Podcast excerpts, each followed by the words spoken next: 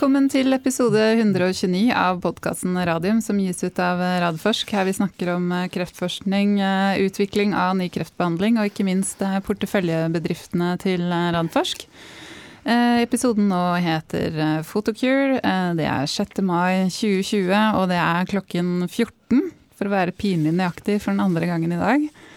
Uh, welcome in the studio, Jonas Einarsson. Thank you, Elizabeth. Yeah. Good to be back. Good to be back. a couple of hours since last time. yeah, we had you had a few hours break. You should be happy with that. And also, um, very much welcome to Dan Daniel Schneider, CEO and President of Photocure, on phone from the US. Hello, everybody. Hello. nice to hear from you. And also, welcome to Eric, Eric Dahl, CFO in Photocure, in the studio. Thank you, and hello to everybody. It's so good to have you with us uh, again, both of you, and we are looking forward to hear all the all about the recent developments in uh, in Photocure. Uh, I would just mention uh, to our listeners that we won't go into anything that might have happened with uh, our companies the last few hours, since we had a, a, long list about that in the last uh, podcast. So uh, I would like to start with you, Dan, and with the with the current Corona pandemic. And we read and hear a lot in the news uh, about the situation is in in the U.S. And I was uh, hoping that you can uh, give us your point of view of, of the situation from where you are now. Sure, happy to. So, like the rest of the world, we're all suffering, I guess, to a certain degree from the the repercussions of the coronavirus pandemic and, and really the restrictions that have gone along with it to, to really protect everyone. And I think that, you know, for that point, it's very important that we keep that in mind that this, you know, the restrictions are meant to really save our lives, um, even though it's hard sometimes to sit in your home seven, eight, nine weeks in a row. Um, you know, it has affected uh, general business in the U.S. Uh, significantly. We have tremendous amount of unemployment now. A lot of the what they call them gig workers are you know people who come in for project type stuff or people who work in you know in the restaurants. Uh, they've been shut down now for the better part of six eight weeks. So it's it's having a, a, a cascading effect on the economy here. Um, from a healthcare perspective and from my perspective you know uh, the hospitals also have become very restrictive uh, and a lot of temporary or, or elective procedures have been postponed. You know some have been canceled in, in, you know, in the case of photocure and our specific disease state of bladder cancer, while there has been postponement in procedures, uh, that doesn't mean that cancer has stopped. Cancer still has to be treated, and physicians are now starting to come back to the clinics and the hospitals and beginning to start those procedures back up again. Uh, you know, now that they've re- developed uh, proper processes uh, for bringing patients in and out. But you know, for the most part, I think state by state in the U.S., we're seeing some states that are being a little more aggressive and opening up and, and people are getting out and about. And then there's some states, particularly the ones with the very, very large cities that still remain, remain highly restrictive. New York City's, LA's, San Francisco's, etc. Still very difficult situations there. Hmm. That's uh, that's not good to hear because the situation in Norway now is that we are opening more and more up and uh, and it's it's good to to resume some kind of uh, of normal life. Uh, do you get any indications from the from the authorities on how long this will portray this kind of strict strictness that they have to keep? Yeah. Um, it, it, it's state by state. Um, the federal government is not really governing it uh, individually by state. They, they provide guidelines, I guess, so to speak, but the states are making individual decisions. Some states you know, if you're looking at like New York, New York City area, it's, it's going to stay restricted for some time. And and even even if it opens up again, where people are allowed to go to restaurants, et cetera, it's going to be a highly restricted uh, process. There's some states, if you're out in the far west, um, where it's you know more wide open, and quite frankly, mentality slightly different. Uh, either they're opening up. So some of the states are beginning now. Uh, I think I think all eyes are on those states that are opening up. Florida is one that everyone's keeping a very close eye on because of you know the vacationers that, that show up there on the beaches. If there's a, sur- a resurgence or surgence of uh, cases, I think we'll see a, a, just a massive shutdown again through the summer and, mm. and into early fall. Mm. And, and the biggest hope we have, and everyone is fearful of this probably across the globe, is that while this sort of we get control of it now, you know, we're fearful that in the fall it could resurge again and we could end up right back into a, a restricted situation again. Hmm. We hope not. Yeah, no, definitely not. But it's the uncertainty, it's, uh, it gets to you. Uh, but uh, we are not uh, here to talk about uh, not only the corona, but we have to talk about some uh, more um, optimistic things like Photocure. Uh, but for new listeners, listeners not familiar with with the company, maybe you can give a short presentation, introduction to the company first, Dan. Yeah, yeah. Well, Photocure has been around for quite some time. really, a world-leading expert in photodynamic technologies uh, we've brought many products to market. They've been partnered with other companies. But more recently, in the last few years, we have turned our attention solely and really focused on bladder cancer and bladder cancer management. Uh, we have a, a I believe, uh, a, you know, a world-class product in Hexvix Cysview that's used for blue light cystoscopy, giving physicians uh, a better diagnostic and surgical guidance system to treat bladder cancer uh, it's you know it's our mission to really build a global bladder cancer management company, uh, delivering you know solutions that really improve the outcomes of patients' lives over the long term. And so it's been a, very exciting. We're on a very fast trajectory, uh, particularly in the U.S. Growth rates, uh, Nordics is starting to turn back up, and, and now we have some exciting news from last week regarding Europe and the rest of the world. Yes, uh, you have. And I think we will start first with uh, the regaining the world world uh, rights to the market and sell Hexvix Cysview after you reached an agree agreement with uh, Ipsen. And um, so now you have the have the rights to sales and marketing uh, of Hexvix in in Europe as well. Um, tell us more about this move. Why do you, why you did this?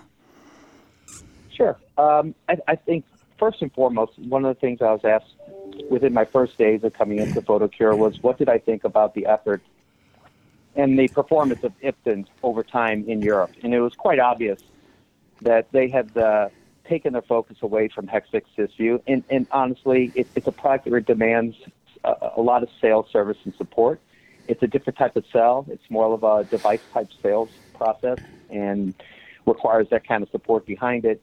Ipsen is a small molecule, you know, pill type of company that pushes uh, our sales product into the market in a very different way. And taking a look at that from a, you know, in a contractual agreement with them that had no end, there was no termination. We were left with really a couple options. One, you know, could we force them from a legal standpoint to put better effort behind the product, and would that really return anything? Would it be a temporary or sustainable response on their part? Or two, can we convince them to consider selling that product back to us? Um, are giving it back to us. And, you know, through, without going through all the bits and pieces of what took place between the first time I met with them, which was about 30 days into my role as CEO, I met him the very week, first week of December, all the way through meetings in London and then across across the rest of the summer and into the fall, we finally came to some agreement that yes, in fact, uh, this was not going to be Ipsen's focus going forward. They changed out their CEO, and they wanted to uh, they wanted to give you know sell the product back to us. So we had been you know spent the better part of uh, you know summer and fall negotiating that deal, and honestly, right up and ready to announce the deal, uh, coronavirus struck, and so it, uh, it it made it a little bit tough for us. But what it brings to us is it's multiple things. One is we get control of our own product, and no one knows their own child better than the parent, and we're the parent of Hexvix and Cysview. We have great experience and great performance in the U.S. and in the Nordics. We believe we could transfer that experience and knowledge to commercializing it throughout Europe. Uh, we think there's tremendous opportunities in Europe because Ipsen did not apply um, commercially, what we believe is commercially reasonable efforts in countries such as the United Kingdom, where there is no sales rep or marketing efforts whatsoever. Spain, Italy, um, really, really have avoided some of the major EU5 countries. In addition to that, it's just bringing financial bulk to Photocure. Our aspirations, you know, from our strategy is, is not only accelerating our current business, but expanding, acquiring, and transforming this company. And to do so, you have to have some financial bulk so that your next transactions and deals to meet your aspirations can be significant and continue to transform the company into becoming a bladder cancer, com- a global bladder cancer company. And that's what we aim to do. And we believe this deal sets a very nice, uh, a very nice footprint. Some deals can be, you know, one plus one equals two. Some can be a one plus one equals one and a half. We believe this is a one plus one equals four because we know this product, we know this market, and it uh, and it's it's, it's a, a fantastic product that you know needs to be brought to the world. That's uh, that's great to hear. Uh, can you tell us a little more in details about the agreement with uh, with Ipsen? So the deal itself uh, is uh, 15 million euro upfront uh, payment when they hand back the product to us, which is scheduled to be uh, fourth quarter this year, October 1st. Um, and then behind that, royalty payments uh, over time, uh, you know, 10 to 15 percent in the first seven years, and then seven and a half percent in the final three years. Uh, it's it's a very good deal for us, and I think it's a fair deal for them. Um, we're looking forward to it. We've already prepared and have been preparing for this handoff. We've uh, identified a general manager to run all of Europe. She comes with tremendous experience, which we'll announce soon enough. Uh, and we've also been preparing from a country manager and sales rep perspective as well. In addition, the Ipsen deal, uh, they have a very strong sales organization in Germany, and they are 100% de- dedicated to Hexvix and in, in that region of Europe.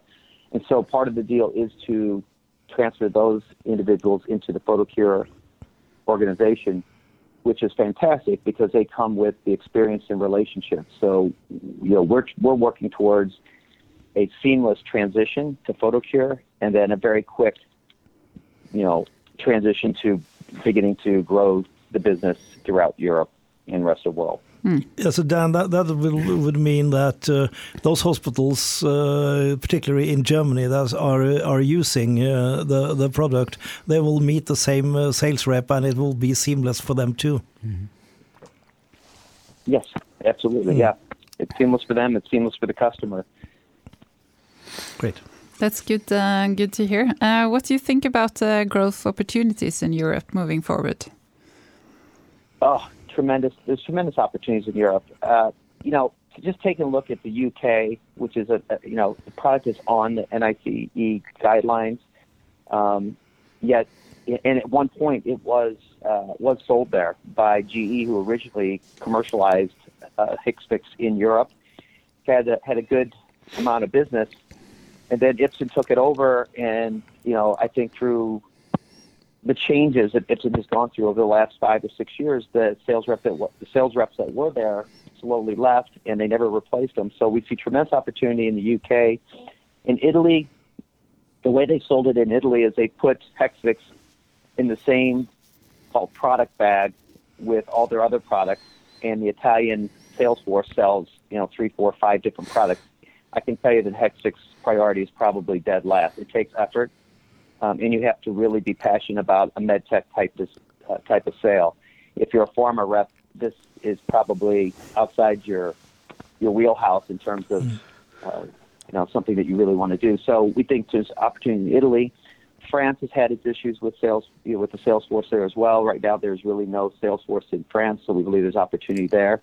Spain, one of the world leaders in in uh, bladder cancer is located in Spain, and he has recently reached out to us and asked that we bring blue light cystoscopy to him. So we will be looking at Spain, and then there's all kinds of other countries like Benelux, uh, you know, Belgium, Netherlands, et cetera, where you know business has has matriculated over time. It's it's it's it's gone backwards, and the good news is this is really a point that it's really important.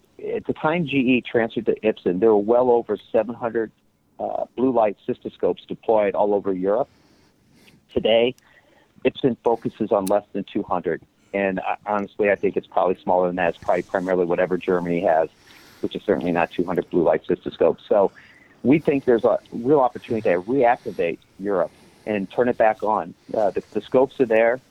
We have great relationships with Karl Storz and Olympus, who are eager to get business back and I think we can very quickly start making an impact throughout Europe.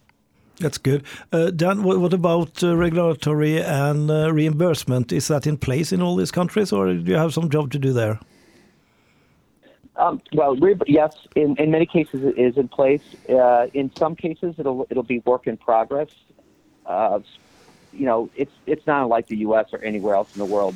Reimbursement is good for the year in which it's, you have the reimbursement, but you continually have to work on it position your product as bringing value to the healthcare and system and to the patient. So, um, you know, we have great access in in the German-speaking countries. Uh, France, interesting enough, uh, reimbursement had changed, but the utilization had not really changed quite at the same level. So we will have some work to do in France, uh, and then the rest of the countries we'll, we'll handle one by one. But uh, we, we think, you know, at least to get started, we have sufficient access to do what we need to do and the reimbursements in place to be successful, and then we'll continue to work on it over time. Okay. Do you have uh, any uh, comment to the To the deal? to the deal? Yes. Well, uh, I, I think that is it a great deal? I, I think that both Erik and you know, for the last uh, couple of years, uh, Dan has known my opinion on that. That they had to do something with this terrible deal that they had and uh, a terrible performance by Ibsen. So I'm very pleased with it. I think it's. Uh, I, I think uh, Dan said it very right. It's a, it's a very good deal for Fortecure. Sorry, and, a- and a fair deal for uh, for uh, Ibsen. So so yeah, no, I, I think it's a good deal. Good. So, uh, following uh, the news that you uh, sort of bought back your your own product, uh, you raised a million NOK 133 in a really tough market. I mean, due to the corona pandemic. Uh, however, you experienced great interest from existing as well as new investors, and you were six times oversubscribed. Um, I'm looking at Eric now as well. I'm hoping he will jump in. uh, were you co- were you confident that you would uh, be able to raise the money you needed? You know, we had we had a lot of interest in Photocure uh, starting last year, and it was just growing and growing. You saw the development on on the stock price. Then COVID came, uh, and uh, I, I have to admit that I, I started to be a little bit skeptic. Uh, but you know, as we discussed this, and obviously we're meeting investors ongoing, uh, you know, we got constantly feedback that, you know, what are you doing with Europe? You know, but do you see any opportunities? How do you want to develop this? We, we would, and people are, people were very excited about the company. And it's been a, it's been a fantastic development in, in the interest in the company over the last many months. So when we approached it, I, I thought, you know, this will work. And, and the banks told me, yes, it will work. But six times, that I didn't expect, I have to admit. That's great. Uh, great to hear. Um, so, what uh, what will you do with the newly raised funds? Uh, the money from uh, that that we raised uh, on, on equity is going to be used for, for paying Ipsen the 15 million euro. So that's that's the use of those funds. in short. Um, uh, Photocure will be releasing uh, the Q1 report tomorrow, May 7th, 7th at uh, 1500 uh, CT. Uh, we'll release the numbers at 7 a.m. Yeah. and then we do the presentation like this Yeah. uh, at And- 3 p.m. Yeah. okay, an audio cast with you and Dan. Yeah, it's going to be video, I hope. Oh, okay, Yeah. we do. That's uh, I have to tune in. Um, so the so that will be out tomorrow. Um, we urge our listeners, uh, of course, to follow that. Uh, we won't uh, dwell into any news that will uh, that you can't give out at this uh, But, time. but Elizabeth, I would uh, Yeah, ask uh, Eric, Eric uh, anyway because uh, they released some some numbers in the prospect, so you could comment on that and and exactly if you could say something and what what are you seeing in especially in in in the U.S. with, with regarding to are the hospitals stopping everything? Do what kind of trends do you see? Can you comment on that now? I'll, I'll make a short comment and then I go deeper. Uh, initially, when COVID came around, we or, or we started to see the impact of COVID. We established three forecasts: a base case, a low case, and a high case. Currently, we're trending better than the high case. So, I mean, things have changed in the U.S. Uh, they have. It was, uh, and I think we, we see that the country is starting slowly starting to open up. It doesn't mean that we're back where we were, but definitely we, I think we're moving in the right direction. In terms of, you know, how when you look at the Q1 numbers, you will see that the underlying trends eh, are in place. What we saw last year, we see in the first quarter this year as well. Uh, we, you know, eh, it's a steady revenue growth driven by U.S. and hmm. the U.S. development. You see expenses being uh, in line with fourth quarter 2019. You see a year-over-year expense increase, very much driven by FX. Uh, but you will also see that if you adjust for FX or currency impact, you will see that the expense growth rates are declining also in Q1 as it did last year. COVID-19 obviously impacting numbers. It's too early for us to say, you know, what the impact will be for the full year. But as I said, it looks better than what we thought initially. Good. We implemented cost reductions, obviously. Uh, but we're not we're not uh, touching headcount.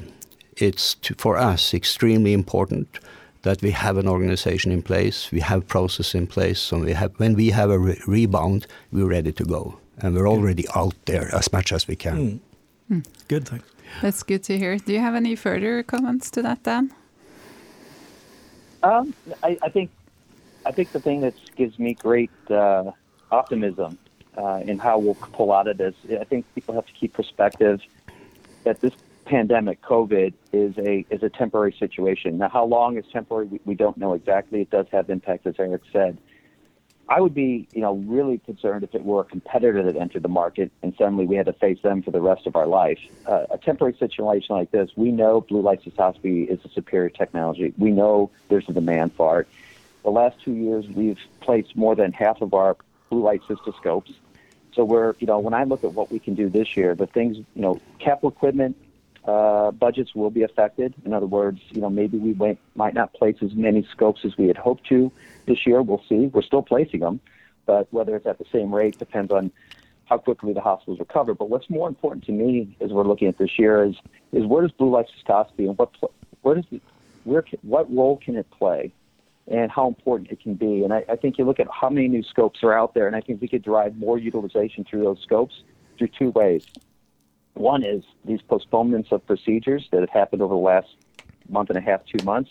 Those patients will be coming back to the clinics, and I can't think of a more important time to use blue light cystoscopy than to use it when you've postponed a patient with cancer. Let's get perfect margins, uh, complete surgical resections on that first TURBT returning to the clinic. The second place is the hospitals are overwhelmed with COVID and resource constraints, and the flexible or outpatient setting can become more and more important. So we'll be we'll be messaging that that by bringing flex scopes into the physician offices, you can do some of these procedures that you used to depend on in the hospitals can now be done easily and without as much constraints in the physician's offices.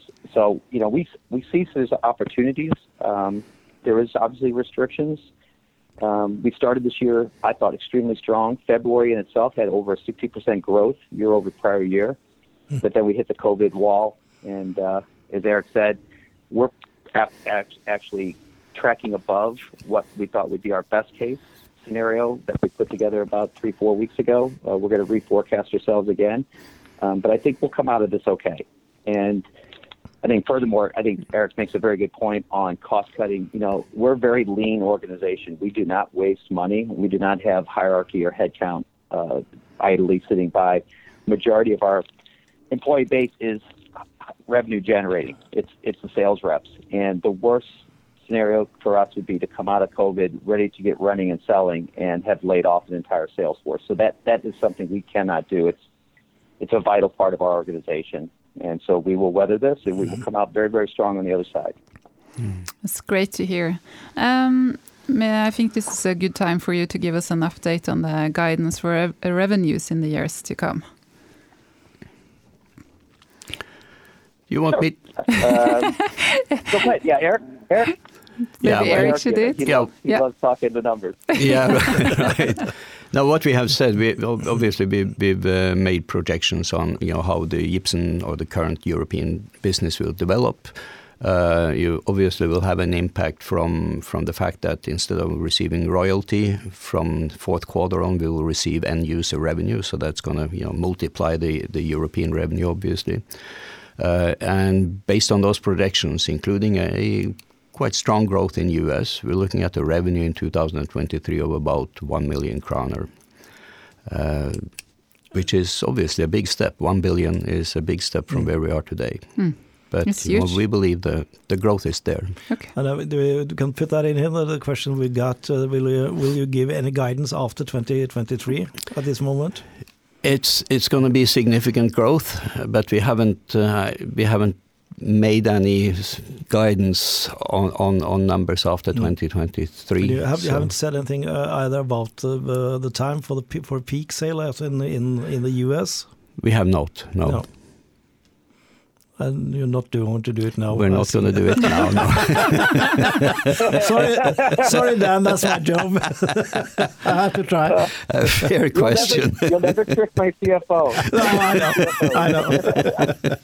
You should have seen the looks in the studio now, Dan. You would have loved it. He was testing me.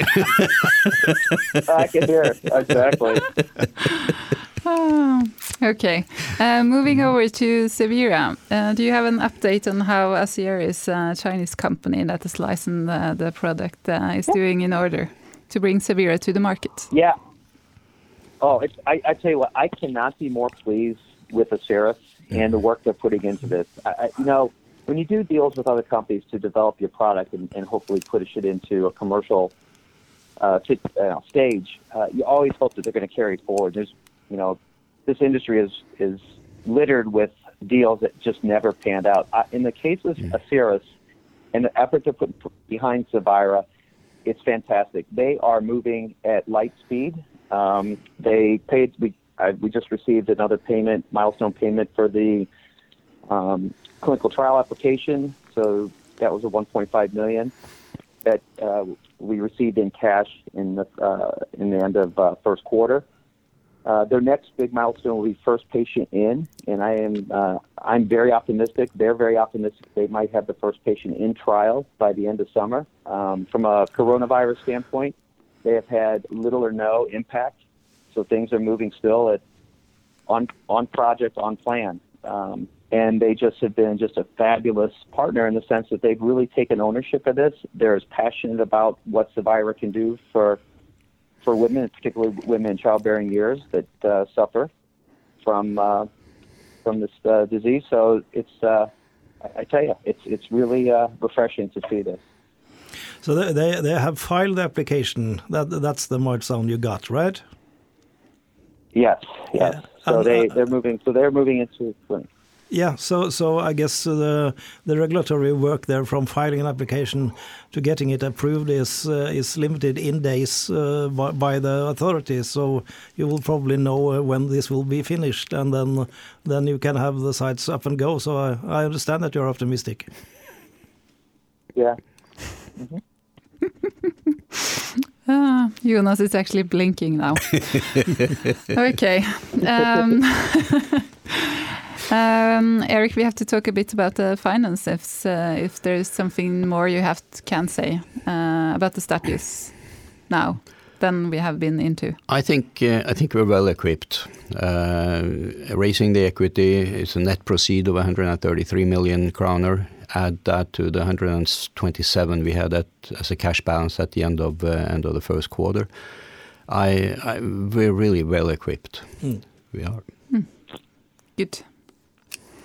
Uh, we had so much uh, questions from the from the listeners. Um, I think this is the first time uh, that I actually received more more questions for you than to PCI Biotech. It's usually the company getting the most questions. Um, so I will just start with that. You're you're the popular you're the popular guy on the block now. Um, Uh, one listener is saying congratulations on the acquirement. Uh, is Asia included in the 1 billion 2023 guiding? No. It is not. No. Okay. And how big is the Asian market, and what are your thoughts and expectations on the Asian market? Uh, I can handle that one real quick on a very high level. So, an Asian market, primarily China and South Korea, is what we would consider probably the next likely countries of interest to us. Um, South Korea has around 18,000 TURBs and 150,000 cystos per year. Uh, incidence rate is around 4,400 patients get diagnosed with, uh, with bladder cancer. Most of the business is concentrated in Seoul, Korea. Uh, so, you know, we are, and I've said this, we are in conversations with organizations that are that are interested in commercializing Hexvix in South Korea. I don't know. This goes back before my time, but Ipsen did at one point have uh, market authorization in Korea and intended to commercialize there. And then through the many, you know, turns and trials and tribulations, they decided not to and, and pulled out. So we've been in, in discussions with what can we do for South Korea. From a China perspective, there are over 80,000 new bladder patients a year. Prevalence rate is over 223,000. There are 62,000 TURBTs in China. The interesting thing about China is, you know, a lot of this is going to be predicated on national reimbursement, which does require substantial price cuts, um, and there's always a downward pressure on price, and there's always considerations when you enter into the Chinese market. However, uh, we are interested in it. Uh, we, we think there's an opportunity, a market opportunity that uh, that uh, could benefit both us and the patients, more importantly, in China. So, uh, no no real news there to really report, other than it is interesting to us, and uh, and uh, we'll see how it evolves. And uh, then the listener also asks, since Hexvix and uh, blue light cystoscopy seems so superior to white light, do you find that patients seek it out or request it themselves? They do, uh, particularly. Well, they do now often because what happens once you get diagnosed with cancer, and I think you know anyone who's have family, friends, or, or themselves have suffered from it, you probably have, shortly after getting diagnosed, have probably reached out on Dr. Google and Google, Googled everything you can know about it. And one of the things you'll come across oftentimes is patient advocacy groups. In the U.S. in particular, there's a very powerful patient advocacy group, which we are the only corporate partner, or at least one of the closest corporate partners, called BCAN, uh, Bladder Cancer Network. And BCAN uh, does a really good job of educating newly diagnosed and already diagnosed patients on various bladder cancer treatments, diagnosis, etc. And uh, we do find patients uh, accessing BCAN websites, patient advocacy websites. They also seek out through the physicians. You know, blue light cystoscopy. If you go back just a couple years ago, uh, we had about 100 cystoscopes, under 100 cystoscopes actually deployed, of which you know a, a certain portion of those um, really not used, to be honest with you. I, I don't know why, with the history on that. We're in the process of lighting those back up. But so, you know, patients, the, the, the prevalence, I guess, of blue light cystoscope and how well and how aware everyone was was limited. But now, today, it's much more prevalent, and patients are seeking it out. And it's become a, I'll be quite honest with you, it's become a very good competitive advantage for hospital systems. And I'll give you a real recent example. I got news just the other day that Rush Hospital in Chicago, and it is one of the premier hospitals in the United States, uh, very well regarded, has uh, has reached out to us to bring blue light cystoscope to Rush, and they intend to be the bladder cancer expert in the Chicagoland area. And this is tremendous for us. Um, Roswell, another major system up in Buffalo, New York, is installing blue light cystoscope. Again, wanting to be the bladder cancer center of the Buffalo area. So blue light cystoscope is is growing uh, in its uh, in its awareness and also patient demand um, and patients wanting it. Uh, that now I, I, will preface this that regardless of what a patient wants, you know the physician's going to make the decision that they believe is right for each patient. Uh, you know from the diagnosis to the treatment to what they want to do with them. But I think the good news is that patients are requesting it, and we also know from the recent studies that BCAN had put out that patients, once they have blue light cystoscopy, require, request it at about a 99% rate.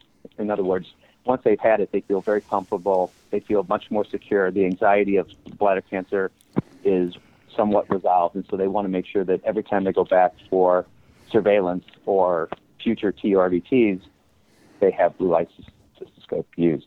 Hmm. It's very interesting to hear because that means that uh, the use itself is great marketing for you because people are confident in the product. Yeah. yeah. Um, we have another question. As a listener has sent us actually an, an article uh, which uh, neither Jonas uh, or me had seen. It's uh, Detecting Invisible Bladder Cancers with Blue Light Cystoscopy Beyond the Abstract. It's from Euro Today, and the listener has some uh, questions to, to the article. Uh, the first is Could blue light cystoscopy and disease management be the next hot topic in the coming years? Um, I, well, bladder cancer is a hot topic right now uh, in general. Is, could blue light cystoscopy be part of it? Absolutely. Um, I've had conversations with individuals, CEOs of other bladder cancer companies, uh, and, and board members who have said that, you know, in, from a trial perspective, really doing a bladder cancer trial should incorporate blue light cystoscope because you're going to get a better diagnosis and, and better surveillance throughout. So I think it's going to, as part of the bladder cancer focus, you know, in the world, I think blue Lights of cystoscopy will rise with it. You know, we know that the guys at, at Merck, FerGene, UroGen, these are all the, the, the BCG resistant solutions, so to speak, are all going to be jumping into the market or have jumped into the market in, in the last few months. So I think there's going to be a lot of more interest in bladder cancer in general. It's, it's the one cancer that has, for the most part, been I don't say ignored, but just wasn't a lot of development for years and years. Uh, and that only recently has there been this extreme interest, particularly because it's the most expensive cancer through the lifetime of the patient to treat. So I think all boats will rise in this case. Hmm. And the listener also wonders, um, because as he or she says, the early diagnosis is important. Could, could there be a potential for earlier use of blue light cystoscopy? And do you believe that um, this could play a role in future disease management, in muscle invasive disease management? Um, so I'll answer the first part because I think I get asked that question a lot. Why don't they use blue light cystoscopy on the initial diagnosis? And I think you have to think about it in terms of the, the patient flow. There's a diagram that we use, the quarterly reports that, that show how a patient goes through its diagnosis, its treatment, and its surveillance over time. Um, over 80, 85 percent uh, you know, so first of all, the patient walks into the clinic, uh, probably has some level of symptoms, might be blood in the urine, et cetera. They'll go into the clinic. The physician uh, at that point will go and check with a white light cystoscope in the office and see if they see anything in there, in the bladder. About 85% of the time, it, it's not cancer. It could be urinary tract infections to who knows what, right? So 85% of the time, uh, it is not bladder cancer. So if they see something like polyps or something that looks like suspicious, like bladder cancer, they will then immediately schedule them to the OR, and within a week or two, we'll, we'll go through a TURBT. And that is where blue light cystoscopy comes into play because that's where you're really making the complete diagnosis. You're developing the treatment uh, plans, and then developing, you know, how often they'll come back for surveillance, et cetera. That, that's really where blue light plays. The, the, the front end of it is really initial scope takes less than seven or eight minutes. It's just meant to confirm or or deny whether or not there might be something suspicious.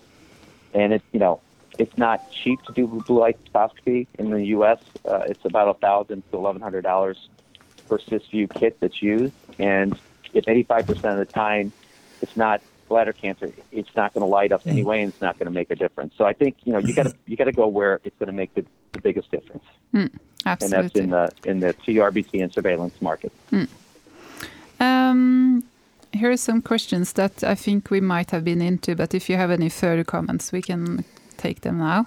Uh, could you give an overview of the current market situation in Europe compared to the US and the Nordic countries? Um, well, first of all, Europe in general, uh, well, two parts of Europe. We'll, we'll cut it, bifurcate it. Uh, DACH, so the German speaking mainly Germany, Austria, Switzerland. Uh, very good general penetration at around 30% penetration in those markets. The rest of Europe falls significantly below 5% in totality. Uh, and, and, and what's interesting about that is that they all are going backwards in terms of trajectory. It's not like the U.S. where you're at 5 or 6% penetration and you're growing at 30 or 40 or 50 or 60% year over year. In Europe, it's quite the opposite. It's under 5% and it's going the other we see tremendous opportunity to turn that curve and turn it back to a growth trajectory. in Europe and get it. We think we can get Europe, you know, at least all the European countries to at least the German, if not the Nordic level in terms of penetration.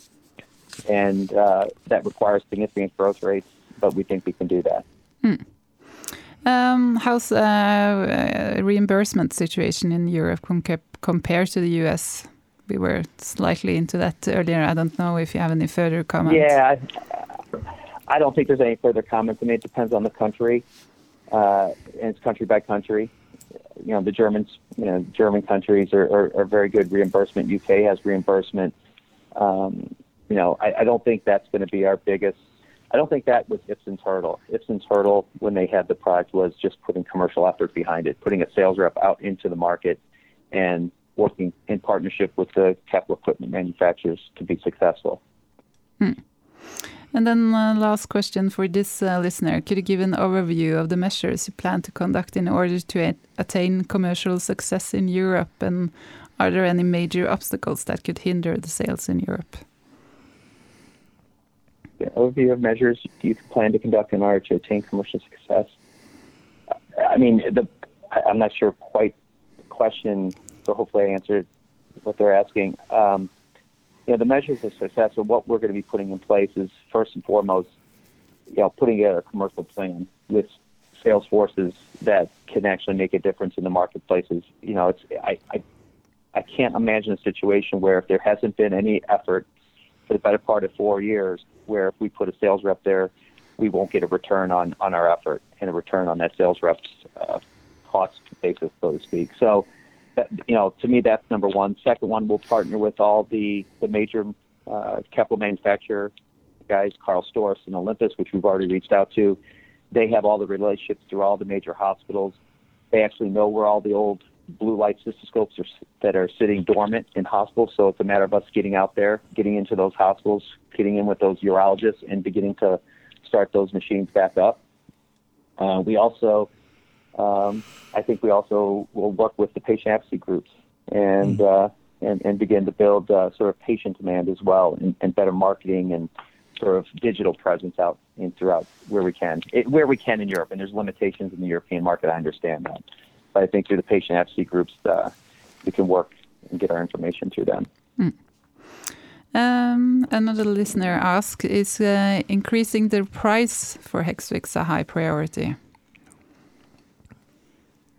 Um, we, we, we usually take a CPI index, so um, increase uh, minimal uh, in line with sort of the growing economies. This year with COVID-19, uh, we're, we're being sensitive to that. I think uh, it would look, look be looked down upon uh, right now if I was to take a, a big price increase in the midst of all this. Uh, it's it's not a significant part of our growth strategy. We want to grow through units, not through price. Um, I think more likely from a price perspective, we're looking at things like um, volume-based discounting or, or rebating. In other words, you know, working with some of the major systems like Kaiser, Roswell, UPMC, et cetera, through the U.S., where we can say, okay, listen, uh, the, and I'm giving an example. The product costs thousand dollars. We'll sell it to you for nine hundred fifty, but you got to do two thousand procedures to get that price. Mm-hmm. That that kind of thing is probably more likely interesting to me than than just raising price. Um, it, price will go up as it always does, but but it's uh, it's not a major strategy of ours to raise price. I think we have a fair price in the market. Sounds like a sustainable plan. Yeah. Yeah, I think so. Um, another listener asks Are there opportunities for collaboration and are you considering uh, getting view in China? What will it take and when may this happen? Yeah, so I, I we touched on that a little bit earlier. Mm. Both China, South Korea, South America, uh, we have reached out. We have uh, ongoing conversations uh, when that you know when something develops, I will certainly let our listeners know, and uh, they'll be excited as we are. That's good to hear. Um, have has Cysview applied for patent rights in South Korea? Does it consider does does it consider other countries in Asia? Yeah, well, I mean, we'll we'll look at all of Asia. Uh, Korea for sure, China uh, are the two major ones. Uh, Hong Kong, which is part of China, but um, from uh, an MA market authorization standpoint, as I mentioned, Ipsen had one there, or we did manage it, and they were going to commercialize it. That has lapsed. We're going to reapply for an MAA. That's not a big deal, but we have to do that. Uh, and we'll look at other countries on a one by one basis. You know, we, we have to look at in terms of what the return is because there is a cost to maintain your market authorizations in countries, and if you're if your partner or you are not going to put the sufficient sufficient amount of effort behind it, you basically have just you're just draining costs and you're not getting a return on. So we want to make sure we're going to get a solid return on any countries we enter. Good. We have one uh, final question. I think it's the only critical one, to put it that way. Uh, what are your thoughts on the slow sales of flexible flexible scopes? Just one scope in uh, Q1 2020. I don't know, uh, since you haven't re released the report, I don't know how the listener can know this, but uh, yeah. Well, I think it was uh, it was in the uh, in the well, the listeners watched or saw the presentation uh, for the deal, and we did have it in there with the fact that we placed uh, 15 scopes, mm-hmm. and uh, I think one of them was uh, was flexible in the first quarter. And uh, you know, we continue to work the flex markets. The, the challenge in the flexible market, uh, to a certain degree, is the fact that these there's a difference in the positions that work in the flexible market versus the ones working in the hospitals. And and and maybe this is hard to comprehend, but in the office setting, these physicians are interested in dollars and cents, and they are looking at the cost of a flexible scope by Karl Storz. Let's give it a number, 100,000 U.S. dollars and they're trying to do a return of how many patients they're going to have to treat at what reimbursement it's going to turn around on. So it's taking more effort. We do budget impact modeling, we do health economic modeling with them. We are making progress. Uh, you know, we have 20, what is it, 27 so far placed. I know more that are being placed uh, uh, as we go forward or in or in the queue.